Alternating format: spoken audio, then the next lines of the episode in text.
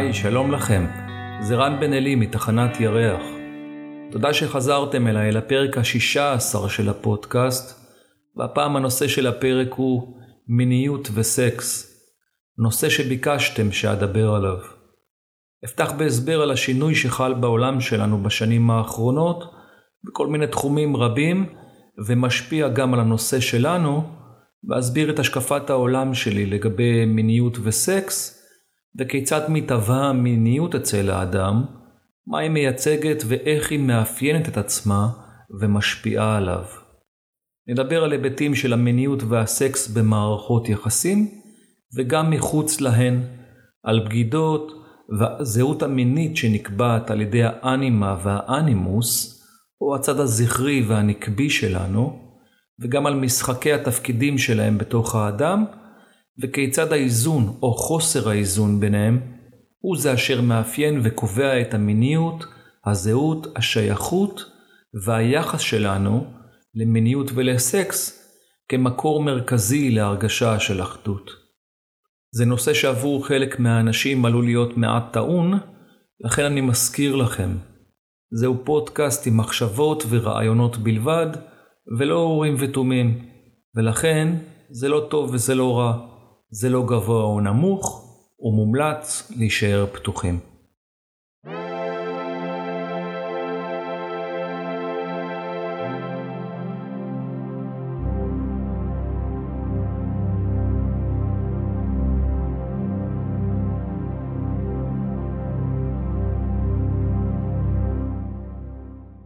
אנחנו חיים בתקופה שבה קיים חופש ביטוי וריבוי של דעות, שיש כמובן צורך להעריך ולהודות לו, ואף לכבד אותו, במיוחד כשמשווים את זה לתקופות אחרות בהיסטוריה, או למדינות אחרות בעולם המודרני, שבהם לא קיים חופש ביטוי וגם לא חופש בחירה אמיתי.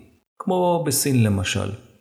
שם אתה לא יכול לעשות מה שאתה רוצה, וזה בכלל לא קשור לעובדה שעוקבים אחריך ומנטרים אותך כל הזמן, אלא שאתה חי בחברה שבנויה על רעיון נכון וצודק, שנקרא ערבות הדדית והתחשבות באחרים, אלא שהמושא של הערבות ההדדית הזאת לא מופנה כלפי העם ואחדות האזרחים ורווחתם, אלא כלפי הסדר הכללי והשלטון, וכך בצורה מעוותת מצטמצם למעשה טווח הפעולה והאפשרויות של האזרח, כך שאנשים אה, מלשינים אחד על השני, מגנים התנהגות לא נאותה ושונה, ויוצרים חברה של עבדים שמוגבלת בחוקים ותקנות, כך שכנראה אין אפשרות אמיתית לאדם כזה להתפתח כפי שאולי היה רוצה, כי אין לו את החירות ואת החופש לבדוק ולחיות את זה.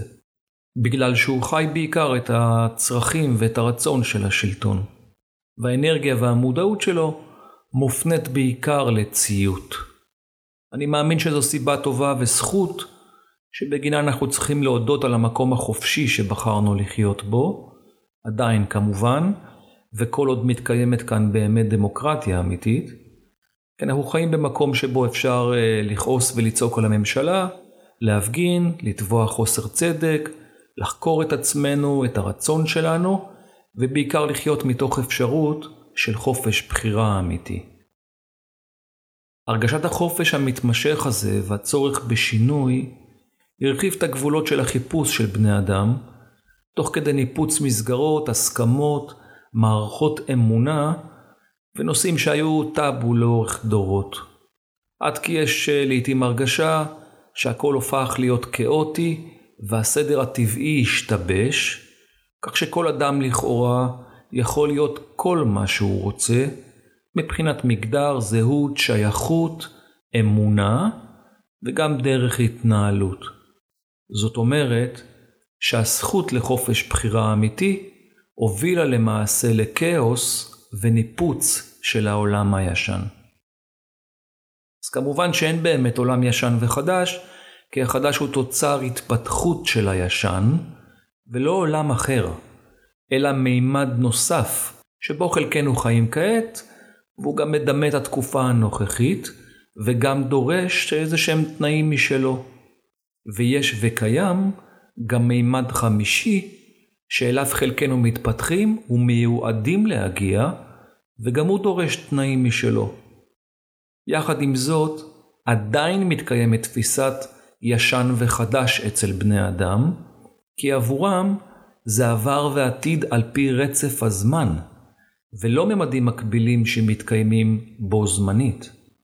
ולכן, יש רבים שכואבים את אובדן העולם הקודם ומתגעגעים למה שהיה פעם.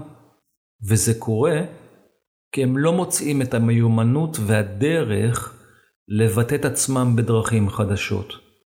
העולם הקודם, במרכאות, התנהל בקצב איטי יותר, והיה בו את הזמן לעכל, לבהות, לשהות בתוך כל חוויה בצורה מבודדת, על מנת שניתן יהיה לחוות וגם להבין אותה. הליניאריות ההגיונית שלטה, ולאנשים היה קל להתנהל ככה בעולם של סיבה ותוצאה, כי כולם התנהגו ככה. לעומת זאת, העולם החדש הוא משוכלל ונע על פני כמה ממדים בקצב גבוה, כשהזמן מאבד מהמשמעות שלו בגלל קצב האירועים וגם בגלל הטכנולוגיה שמוטמעת בכל דבר. יכולת הקליטה של אנשים עלתה מאוד, אבל יכולת ההכלה של אנשים ירדה ונמצאת בשפל. וזה בא לידי ביטוי באנוכיות, וגם בצורת ההתנהגות של בני האדם, וכאשר מתקיים הפער הזה בין יכולת הקליטה ליכולת ההכלה, הביטוי של זה יהיה עומס אינפורמציה, עומס של מידע ותחושות, שיכול להתבטא ומתבטא כחרדה. זה נושא מורכב, אז רק אסביר את זה באיזושהי דוגמה קצרה ברשותכם. דמיינו שפעם לפני שנים הייתם הולכים לראות סרט בקולנוע המקומי בעיר שלכם, הייתם מתארגנים לכם בנחת כמה שעות לפני, אולי כותבים את האירוע ביומן, וחלקנו אפילו מתרגשים. היום העולם החדש מבקש מכם רב-ממדיות, שזה כמו לשבת מול חמישה מסכי קולנוע בו זמנית, ולצפות, לצפות, סליחה, בחמישה סרטים בו זמנית. רבים יגידו שהם לא באמת ראו או הבינו אף סרט או ירדו לעומקו, אבל אם תסתכלו למשל על בחור או בחורה צעירים שמרפרפים באינסטגרם שלהם במהירות מטורפת ורואים 150 תמונות בדקה, תבינו שהם קולטים מתוך זה רק את מה שהם זקוקים לו באמת. ואם הם רואים חמישה סרטי קולנוע בו זמנית, הם לוקחים מכל סרט איזושהי תמצית או מסר או קטע שאותו הם קולטים, והוא יצטרף מתישהו בעתיד אל רצף מסרים, קטעים, צורות וגם תחושות שקשורות אל התודעה והעצמיות שלהם. לכן, יש רבים שטוענים שהדור הצעיר הוא שטחי ורדוד, אבל האמת היא שהוא דווקא מאוד מפותח, ויכולת הקליטה שלו מועצמת מאוד.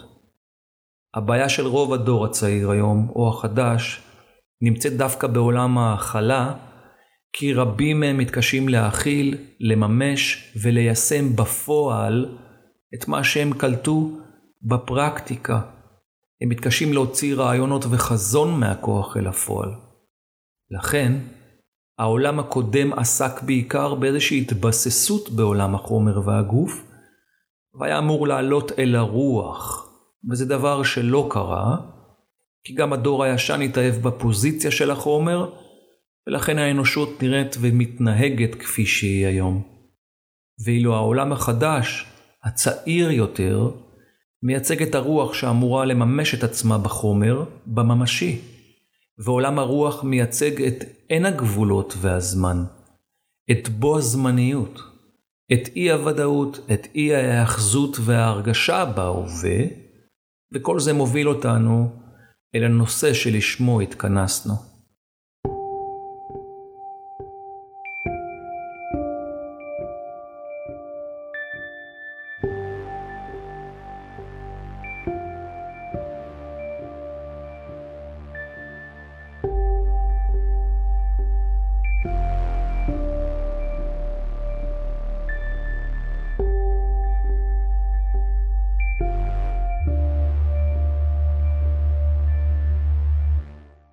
ההקדמה שדיברתי עליה היא על מנת להסביר שיש גישה שונה בתכלית למיניות וסקס אצל אלה מהעולם הישן או אלה מהעולם החדש.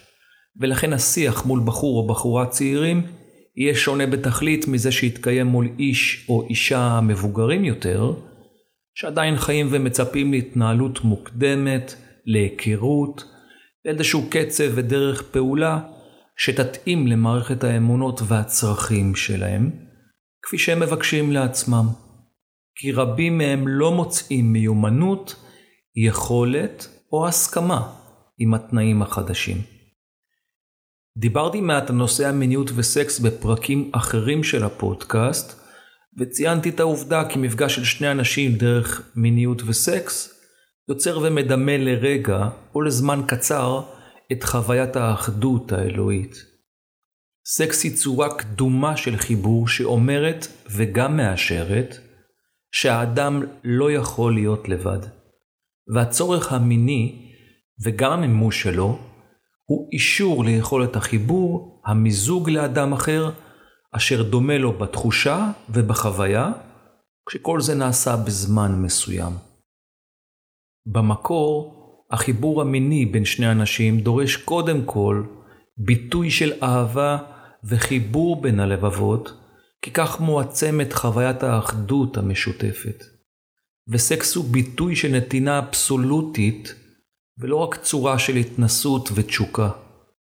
העולם של היום, החדש במרכאות, הוא פתוח ושואף להיות רוחני יותר, וכמו שאמרתי קודם, מה שמנהל אותו הוא אין הגבולות, אי ההאחזות והתבססות על ההרגשה בהווה.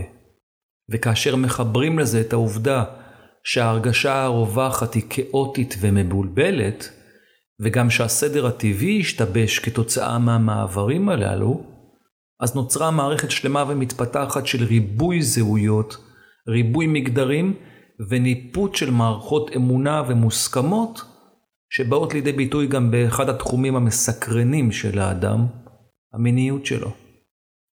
בגלל שקיים קושי בהכלה, מיניות וסקס יכולים להפוך בקלות למה שתיארתי קודם, כמו רפרוף באינסטגרם במהירות עצומה, וקליטה מכל תמונה איזה שהם שברי אינפורמציה וחלקי חוויה, שיתהוו בעתיד לתמונה וחוויה כוללת, ואם משליכים את זה על מיניות וסקס, אז יוצר ריבוי של פרטנרים או התנסויות מיניות שיחד עם גישת האין גבולות או אי ההאחזות וההתבססות רק על מה שאני חש בהווה, אלו מובילים הרבה פעמים בשל הבסיס הרעוע של ההכלה לאיזשהו חוסר רצון להתחייב למערכת יחסים קבועה, אלא לשמר את התנועה והקצב וגם את אי ההאחזות, ולרפרף או להתנסות בכמה שיותר אפשרויות מיניות, גם כדי לא לפספס את האפשרויות שקיימות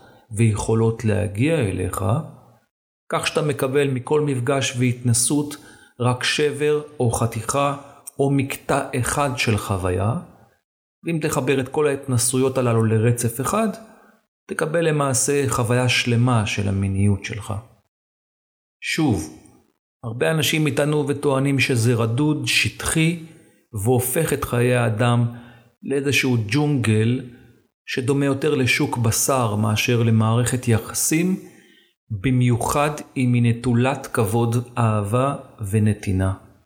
וזה נכון, ועדיין צריך להבין ולהתייחס גם אל האפשרות והצורך להרחיב את טווח החוויה, ולהבין שריבוי בני זוג הוא בדיוק כמו לראות חמישה סרטים בו זמנית.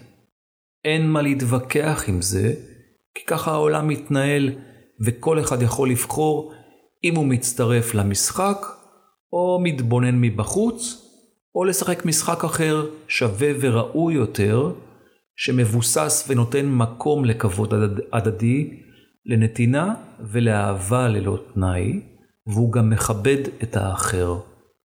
בסופו של דבר, יש חוקים ברורים לעולם הזה, וכבר דיברתי עליהם בפרקים אחרים של הפודקאסט, ואחזור על זה בקצרה. הראשון, רק אי הוודאות מניעה באמת את התהליכים בעולם. והשני, העולם בנוי על סדר בתוך הכאוס, ולכן יש שאיפה לשינוי וטרנספורמציה תמידית, כשהכל נמצא בתנועה כל הזמן, גם מה שאנחנו תופסים כסטטי. השלישי, בני אדם יכולים לחיות רק בתור גבולות ברורים. והרביעי, בסופו של דבר, כל בני האדם שואפים לדבר אחד, להיות מאושרים ולהרגיש אחדות.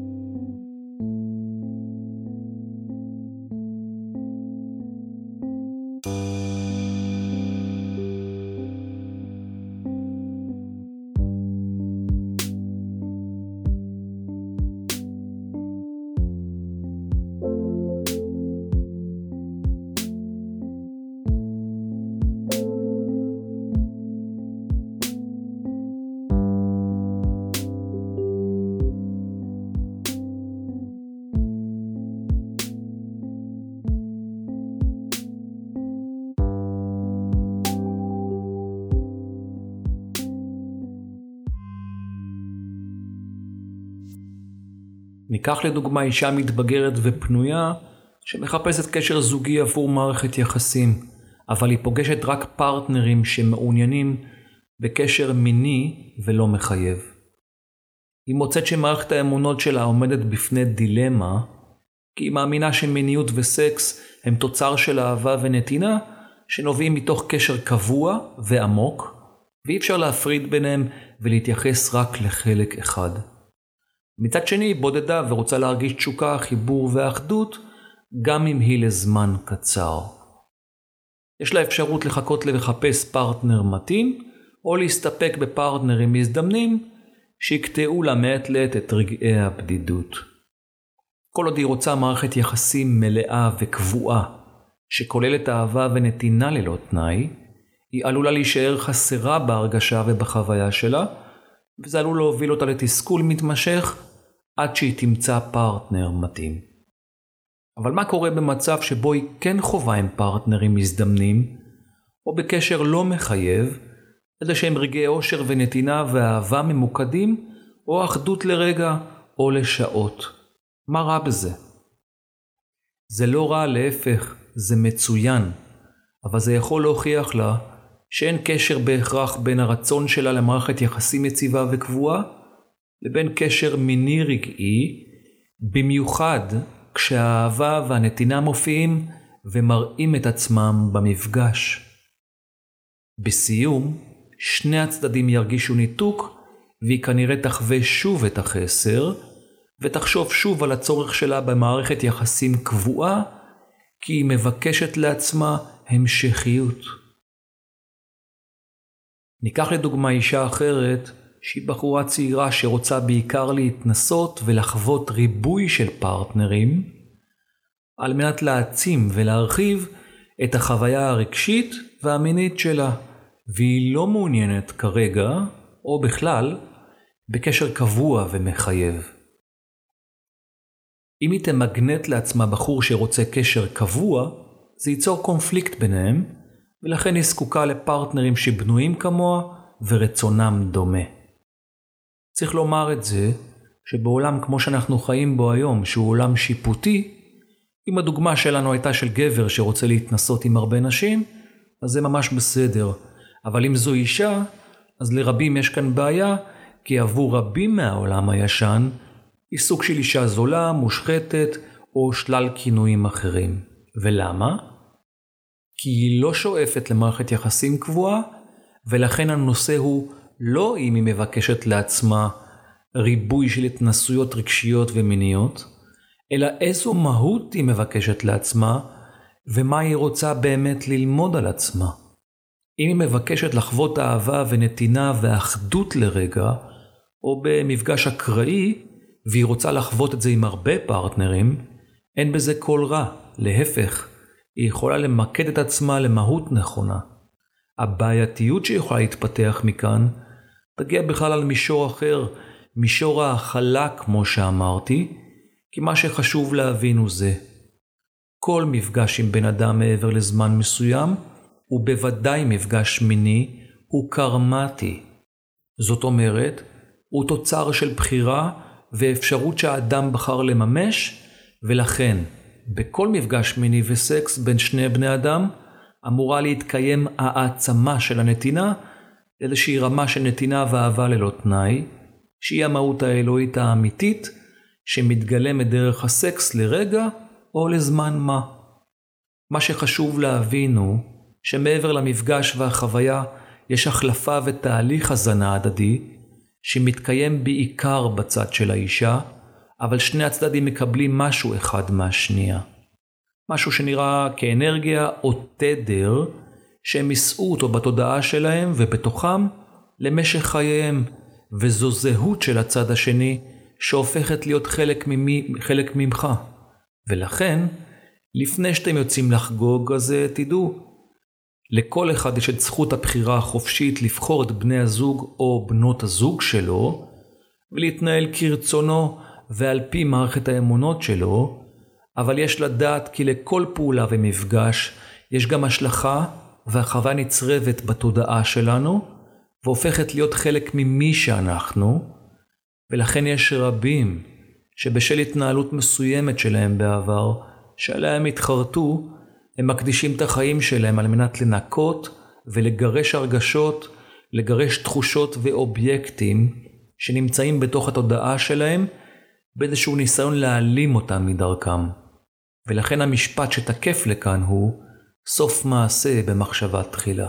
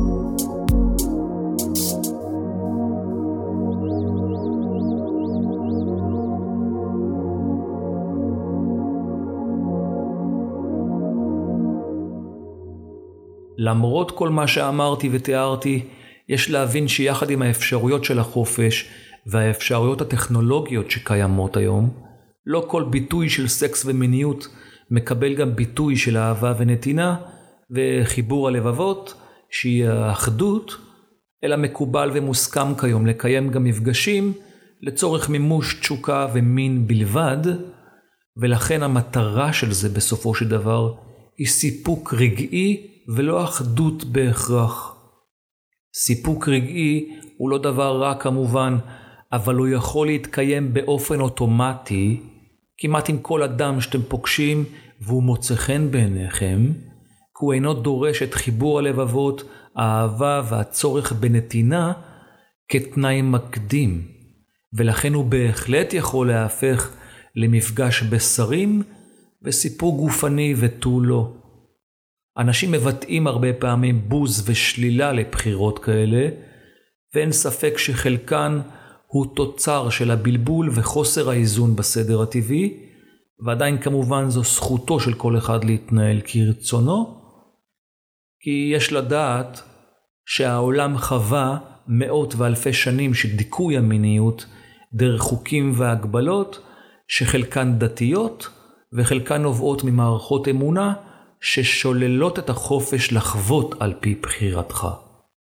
הדת שוללת מיניות חופשית, כי סקס הוא ביטוי למהות עליונה, והדת רוצה לשלוט על כל משהו עליון, ולכן היא מתנגדת ושוללת כמעט כל דבר שקיים, ובמיוחד מיניות שהיא במהות שלה טקס, אבל כאשר היא לא נעשית בצנעה והופכת להיות טקס רחוב המוני, היא מאיימת על הסדר והצניעות שהדת מבקשת לכפות, ולכן היא נטעה בליבם של אנשים אשמה בכל מה שקשור למין חופשי או אוננות, ויחד עם זאת, נכון לומר שהמין בצורה המיטבית שלו הוא טקס פרטי שלא זקוק לעדים או לאנשים נוספים, בגלל המפגש האינטימי שבו המסכות הרגילות אמורות לרדת ולהיות מוסרות, ואז האמת מגלה את פניה האמיתיות, והכנות יכולה להופיע,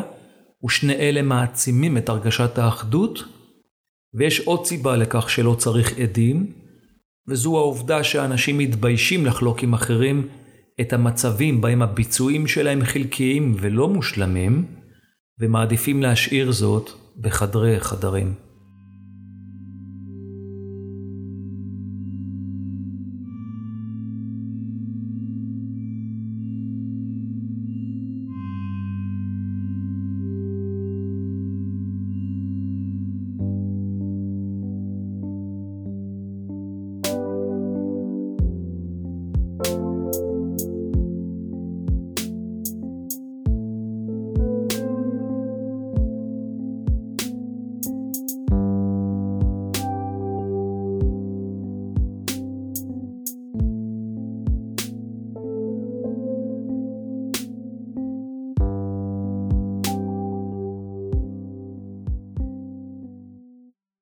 גם בעולם המיסטי וגם אצלנו ברפואה הסינית שממנה אני מגיע, יש כתבים ודעות רבות שגורסות שעל האדם להתנזר ממין וסקס, כי הוא מרוקן את התמצית המולדת שנקראת ג'ינג. יש כאלה שגם קושרים את ההתפתחות הרוחנית להתנזרות ממין, וזו שטות כמובן, כי עדיין אפשר, ויש רבים שמקיימים מערכות יחסים מלאות ויחסי מין, ומגיעים אל מחוז חפצם הרוחני, גם מבלי להיות נזירים או אנשי רוח כאלה ואחרים. למעשה, אין צורך להפריד או לתת גושפנקה מיוחדת למין, בדיוק כמו שאנחנו לא עושים שום משמעות מיוחדת למזון שאנחנו אוכלים, כי הם טבעיים וראוי שהם יעשו בזרימה ובחופשיות. וגם אוכל וגם מין מאפשרים חיבור, ריגוש, תשוקה והרגשת מלאות שהיא מבורכת מיסודה. ולכן, כאשר גבר או אישה מקיימים ביניהם מגע מיני, זה הדבר הקרוב ביותר לאלוהות שניתן לחוות, גם אם היא לרגע וגם אם בסיומה מתקיימת מיד חוויית התרוקנות, שמחזירה אותם, ובעיקר את הגבר, לחוויית חסר או חוויית התנתקות. תכף אפרט לגבי מה שהדגשתי כחוויית חיבור בין גבר לאישה, כי קיימות גם קונסטלציות אחרות כמובן, אבל לפני זה אומר כמה מילים על אוננות, וכאן אני עונה לאיזושהי שאלה שהופנתה אליי לגבי התמכרות של אדם מסוים לסרטי פורנו. שלא כמו סקס או מפגש מיני בין שני האנשים, האוננות היא למעשה מפגש והיכרות של האדם עם עצמו. כבר פגשתי פעם מישהו ששאל אותי על זה, וזו התשובה שעניתי לו, והוא אמר לי, נהדר, אני נפגש עם עצמי להיכרות שלוש פעמים ביום. אז זה אומנם משעשע, אבל גם מעיד על כך שההיכרות שלו עם עצמו דרך האוננות לא הגיעה אל סיפוקה, וכנראה גם לא תגיע, כי מעבר להיותה מצב נורמלי ורצוי כמובן, היא יכולה להעיד במקרים של התמכרות גם על חוסר בגרות ולהצביע על קושי להיות באינטימיות אמיתית עם בן או בת זוג, כי המהות של האינטימיות היא היכרות ברמה העמוקה ביותר, והמשמעות שלה היא להוריד המסכות ולהיות גלוי לב וכנה. אם מפגש האוננות שלך עם עצמך הוא רק לשם סיפוק וזו התמכרות, אז יש בכך מן הילדותיות, וכאשר זה כרוך גם בהתמכרות לפורנו, יש להבין את מה שאמרתי קודם. יש צורך להיות ערים ולדעת מה מזין אותנו ומה אנחנו צורכים. כל אדם שאנחנו נמצאים איתו במגע מיני אמיתי או וירטואלי, משהו ממנו משתקף ומתקבל בתוכנו, ונצרב בתודעה שלנו, ולכן יש דווקא להיות זהירים בבחירת בני זוג, גם אם זה רק עבור סיפוק. ועוד יותר מזה, אדם שמכור לפורנו צריך להיות ער לחשיפה הרגשית ולעוצמת הגירוי שהוא זקוק לה בהרגשה שהוא מבקש לעצמו, כי הוא ממגנט משהו מבחוץ, ויכולה להיות זאת אלימות, אגרסיביות, השפלה, שליטה או התעללות, או שהוא נהנה ממראה רך ואירוטי בלבד. בהתמכרות לפורנו לאורך זמן, אין דבר כזה מגע אירוטי רך, כי החוויה לא מכבדת את הצד השני, והיא מבקשת להעצים את עצמה, וכך נפרצים עוד ועוד גבולות ככל שעובר הזמן. מעבר לכך, אין ולא תהיה פה אהבה, נתינה, אחדות או כבוד הדדי. מתי הוא יפסיק? כשהוא יבין שזה עלול או פוגע במערכת היחסים ובאינטימיות שיש לו או שתהיה לו. אבל הוא כנראה אולי לא יפסיק כי הפורנו מספק לו ערוץ של מימוש של הפנטזיות שלו שהוא כנראה לא יכול או לא מסוגל לקיים בחיי היומיום שלו מול בת הזוג שלו או במפגשים מיניים אמיתיים בגלל הדימוי העצמי או המסוגלות שלו. הרבה פעמים זה כרוך גם באשמה ובהרס עצמי, בדיוק כמו בכל התמכרות אחרת, כי נוצר פער גדול בין יכולת למימוש. והרבה פעמים יש גם בנייה של מציאות אשלייתית, שבה הוא מרגיש שולט או נשלט על ידי החוויה הפורנוגרפית, וזה מה שמנהל אותו בפועל, זה מעצים אותו לרגע, ואז מרוקן אותו וגורם להתנתקות. ואז מה שהוא רוצה ומבקש לעצמו, זה לשחזר את החוויה השנית, ואז שוב ושוב, זה חוזר על עצמו כשהטכנולוגיה המתעתעת תביא אליו אין סוף אפשרויות דרך המסך על מנת שימשיך לשחק.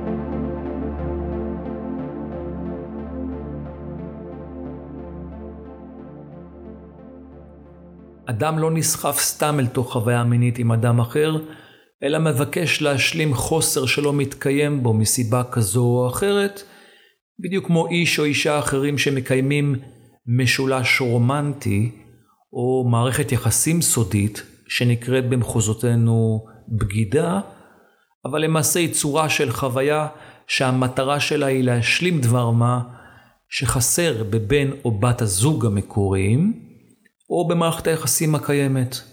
או יש מצב אחר, שבו גברים או נשים לא מסוגלים או יכולים לחוות מערכת יחסים ישירה, מלאה ואינטנסיבית, ומסוגלים לעשות זאת רק אצל השלישית, כאשר הם נקראים או נדרשים לכך.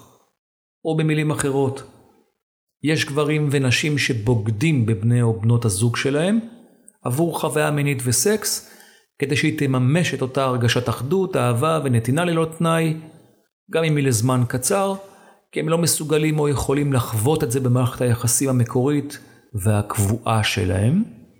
בדיוק כמו שיש זוגות שלא מסוגלים לחוות את זה בינם ובין עצמם בסקס, ומוסיפים בהסכמה צלע שלישית לקשר, עבור אותה מטרה. בעולם של בחירה חופשית, כל אחד יכול כמובן וצריך לעשות את כל מה שנכון לו, מבלי להתייחס לזה כשיפוט, או לנסות לחבר לזה מוסריות, אבל כמו שאמרתי קודם, לכל מעשה ומחשבה יש השלכות עליך, על הסביבה שלך, ובעיקר על התודעה שלך. ולכן אינני אומר שלנהל מערכת יחסים בסתר זה רע, אלא אני אומר שהאדם היחיד שאתה יכול לבגוד בו הוא אתה עצמך. ואם אתם מוכנים לחיות בחוסר כנות ולנהל חיים כפולים שיש בהם גם שקר, זו זכותכם. אבל אל תצפו או תדרשו אמת וכנות מאחרים, וגם אל תעידו על עצמכם ככאלה. כי בכל מקרה, זאת נתינה מוגבלת, ויחד עם זאת יש וקיימים אנשים מסוימים, גם גברים וגם נשים, שלא יכולים ולא מסוגלים לחיות בתוך מערכת יחסים אחת ויחידה, כי אצלם השייכות, המשפחה והאחריות מתכוונת למערכת אחת, והמיניות, התשוקה וההתפרעות מכוונת למערכת אחרת ונפרדת, ואז הבעיה שעלולה להיווצר אצלם היא לא רק השקר וחוסר הכנות שמתקיים, אלא הצורך לספק שתי מערכות יחסים במקביל, וזה נטל. ויש לדעת דבר מה נוסף. כמעט כל מערכת יחסים שואפת למימוש, ולכן בין אם זה גבר או אישה מהווים מאהב או מאהבת, יגיע מתישהו הרגע שהם ירצו וייחלו לאיזשהו מימוש של הקשר הנסתר בפרהסיה, תוך הכרה במעמד שלהם ובזכותם, והרצון שלהם לקבע את הקשר הזה לדבר קבוע, כי כל מערכת יחסים בעולם הזה, מגיע זמנה מתישהו להתקרקע לחוויה אנושית וארצית, כי בסופו של דבר, בני אדם רוצים ביטחון וקביעות.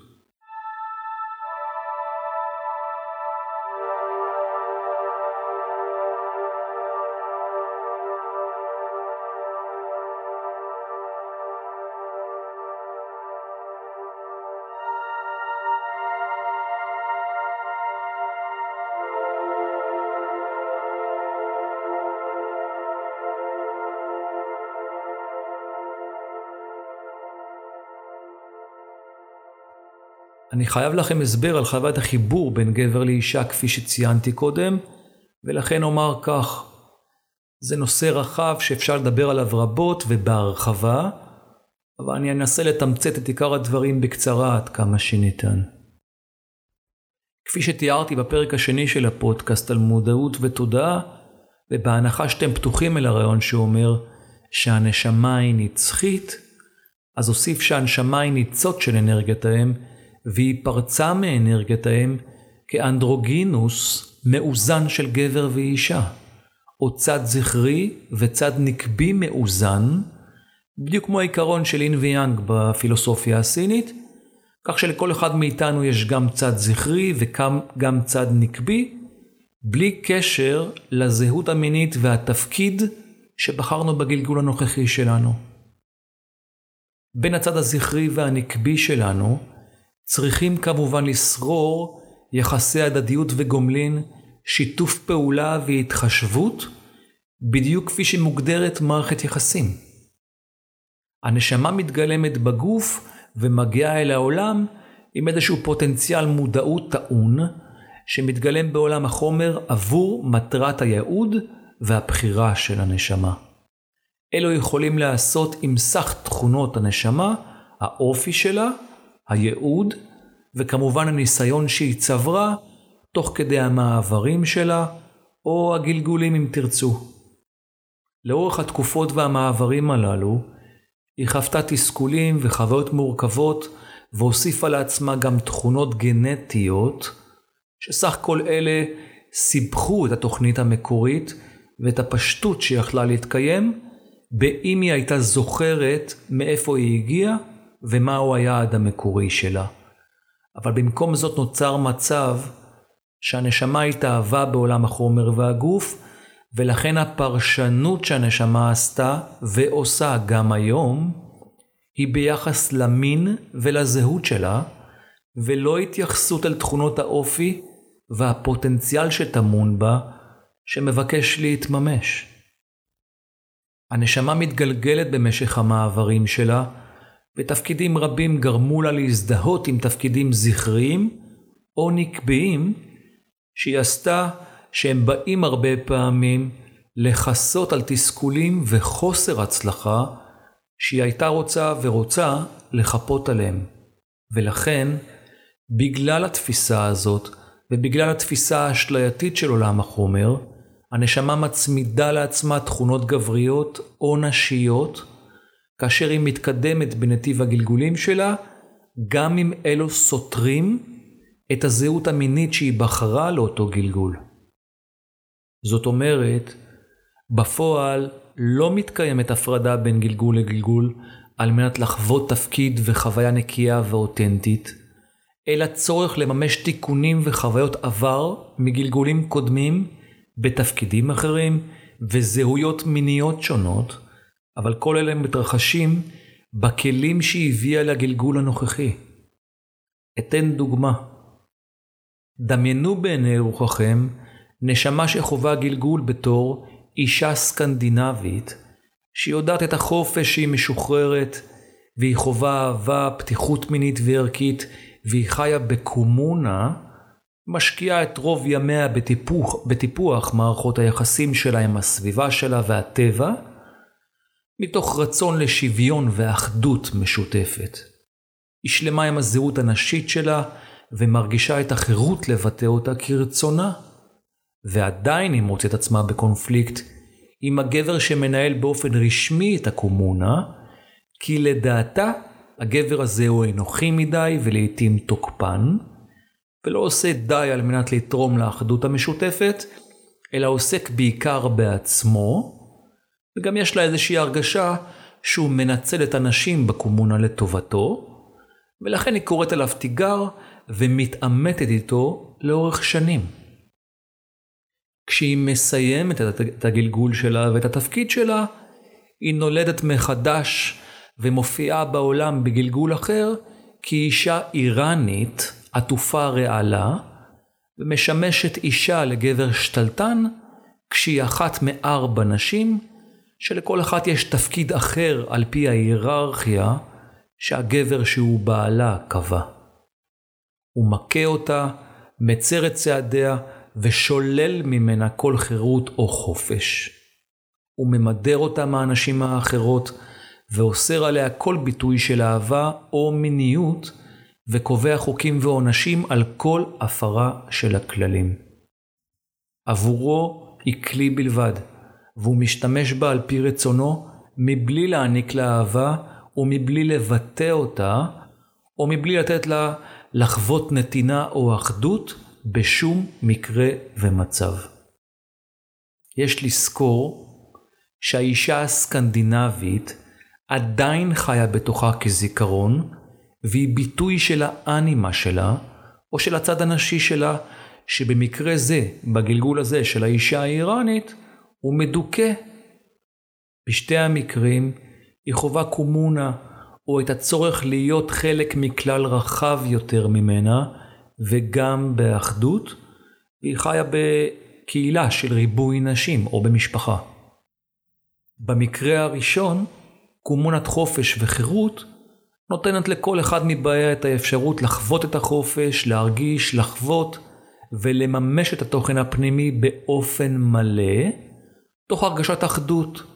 במקרה השני, קומונת הכלא שוללת את החופש והחירות ולא נותנת לאף אחד מבאיה את האפשרות לחוות ולהרגיש רצון חופשי, לא כאדם ולא כאישה. שחררו רגע משיפוט וביקורת ותוכלו להבין שזו למעשה אותה בחירה. רק שלכל גלגול משקף חוויה הפוכה, כי מי שרוצה לדעת מהו חופש, צריך לדעת ולחוות גם את שלילתו, ומי שרוצה הרגשת אחדות, צריך לחוות גם את חוסר האחדות. נמשיך. רק לשם הדוגמה, ברור לכם שאם הנשמה איננה במודעות, הגלגול של האישה האיראנית הוא מכת מוות לדימוי הנשי שלה, או לאנימה שלה, ולכן דמיינו שבגלגול הבא שהיא מגיעה לעולם, היא מגיעה כגבר. איזה גבר הייתם מצפים לראות? ואיך לדעתכם הוא יתנהג?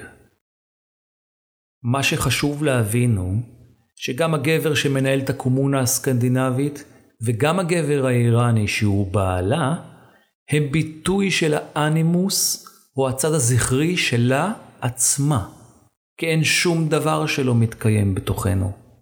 והכל, כולל כל התפקידים וכל המופעים, הוא השתקפות שלנו.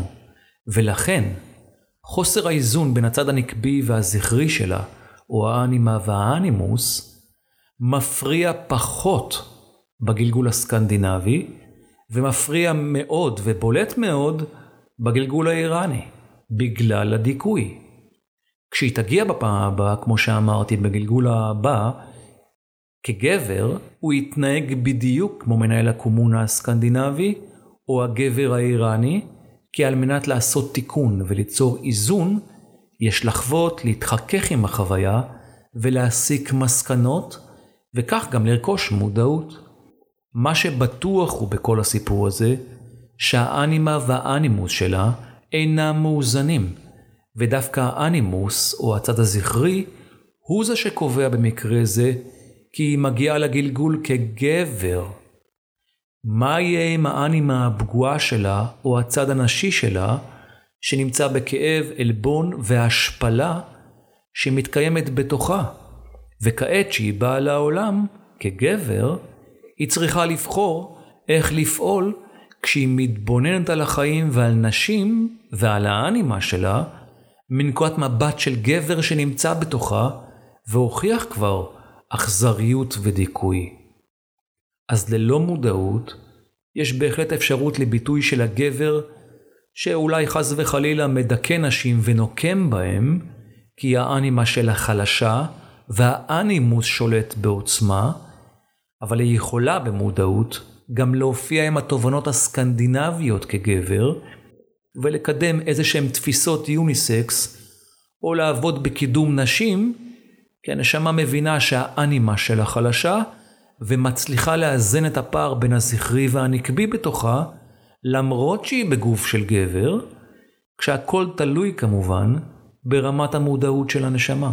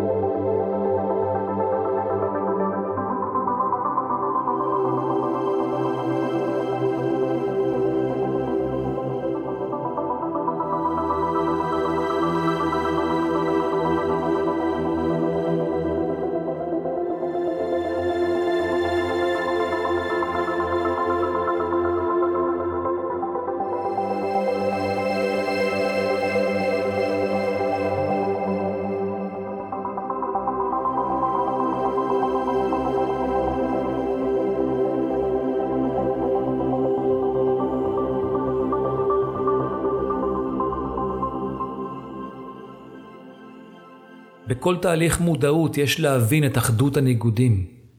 נשמה עם אנימוס, צד זכרי דומיננטי, שנכנסת לתפקיד של אישה, תהיה אישה גברית, או כזו שיש בה תכונות גבריות מועצמות, ולכן הרבה פעמים הנשמה מבקשת להסתיר את חוסר האיזון, ולכן אישה כזאתי יכולה, אם היא רוצה, להיות מטופחת להפליא כי היא עושה מאמץ להבליט את תכונותיה הנשיות החיצוניות, כשדווקא אישה ששלמה עם עצמה, גם להיות, גם יכולה להיות מטופחת כמובן, אבל בגלל שהאנימה שלה מאוזנת, היא לא תשקיע בהכרח בטיפוח עצמה מבחינה חיצונית, אלא תמקד את האנימה שלה בתכונות פנימיות נשיות האמיתיות שלה, כי היא יודעת שזה מה שחשוב באמת. נשמה עם אנימה או צד נקבי דומיננטי, שתיכנס לתפקיד של גבר, תהיה גבר נשי, או כזה שיש בו תכונות נשיות מועצמות, וגם כאן הרבה פעמים הנשמה רוצה להסתיר את חוסר האיזון.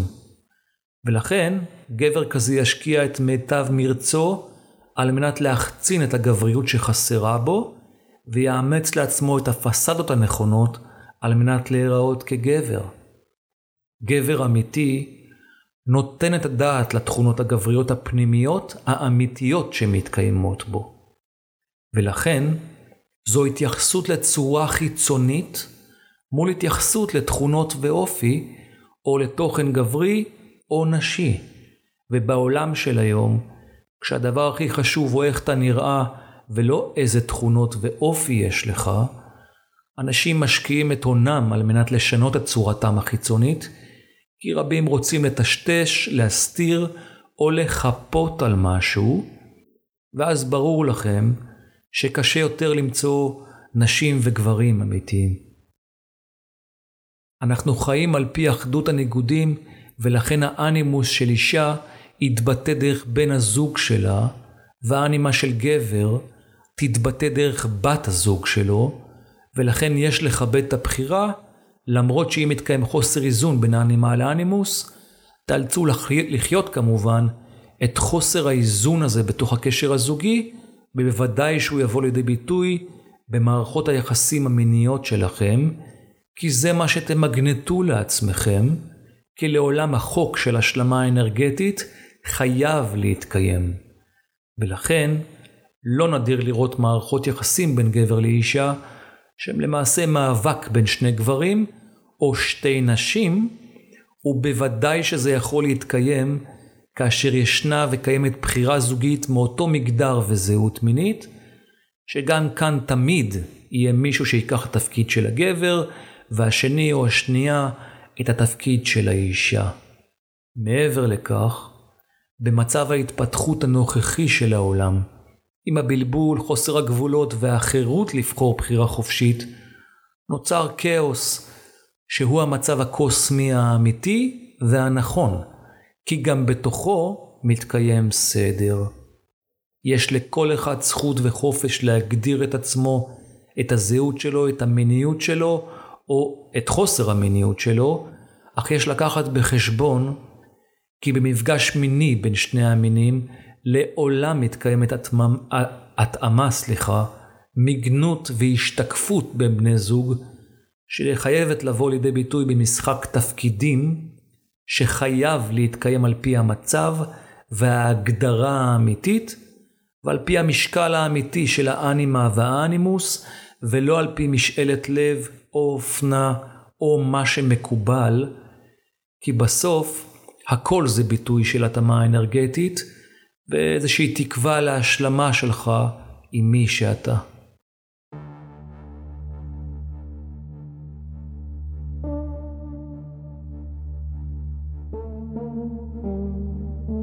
אדם שנמצא בדרך למודעות, יודע שלמרות שהוא חי בעולם תחת חוקים ומגבלות ברורים, עדיין הוא יכול לכוון את עצמו אל עבר הממד החמישי שמתקיים במקביל. הוא לא מנצל את ההתפתחות שלו עבור תשוקה וריגוש נקודתי, אלא מכוון את עצמו לנתינה ואהבה ללא תנאי, כמיטב יכולתו, ואלו באים לידי ביטוי במערכת היחסים שלו וגם בחיי המין שלו.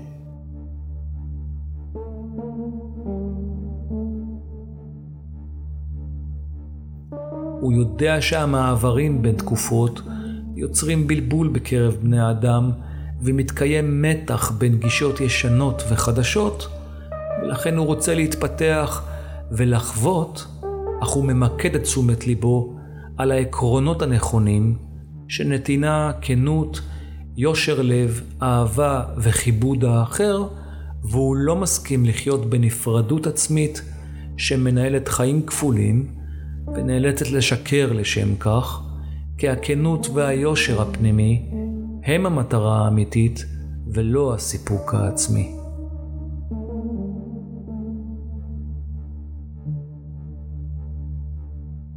הוא לא מרגיש ששפע ההזדמנויות שבחוץ הוא מצב שיש לנצל על מנת לא לפספס הזדמנות, אלא הוא יודע שלא מתקיים דבר שלא נמצא בתוכו, ומה שצריך ונכון לו לחוות, יובא לידיעתו, יופיע ויגיע אליו ללא מאמץ.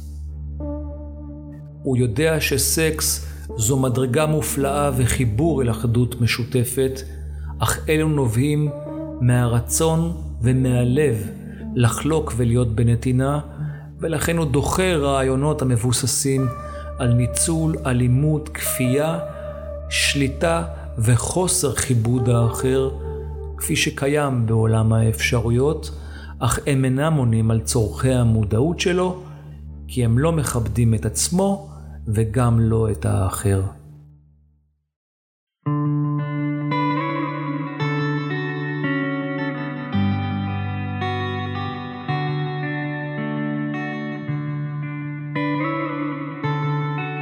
תודה רבה לכם שהאזנתם. אני יודע שהפרק הזה הוא מורכב וחלקו לא קל לעיכול. אני רוצה להזכיר לכם את מה שחשוב. לא צריך להתייחס לדברים כשיפוט וצריך לכבד את הצורך ואת הרצון ואת האפשרות לבחירה חופשית של כל בן אדם בעולם הזה. בין אם זה תפקיד או מגדר או שייכות או זהות או כל דבר אחר. ולכן מוטב לכוון את תשומת, את תשומת הלב שלכם אל מה שחשוב באמת, אל החזון ואל ההרגשה שאתם מבקשים לעצמכם, שהיא משרתת את המטרות האמיתיות שלכם. ושוב, אני רוצה להודות לכם על ההאזנה לפודקאסט ועל התגובות מחממות הלב שלכם. אשמח כמובן אה, שתפנו אליי אם יש לכם שאלות או נושאים שמעניינים אתכם. אפשר אה, לפנות אליי דרך אה, צור קשר באתר האינטרנט של הפודקאסט moonstation.co.il או בפייסבוק רן בן אלי. אני אשמח כמובן גם שתשתפו את הפודקאסט. הפודקאסט זמין גם באפליקציות של ספוטיפיי, אפל פודקאסט וגוגל פודקאסט. וכמו תמיד, תודה אוהבת וענקית לבן שלי עידו על המוזיקה המקורית והמיוחדת שלו. שלטעמי מוסיפה המון לתכנים, ואני שמח על ההשקעה שלו ועל שיתוף הפעולה. אני מאחל לכם ימים טובים ונפלאים, ונתראה בפרק הבא.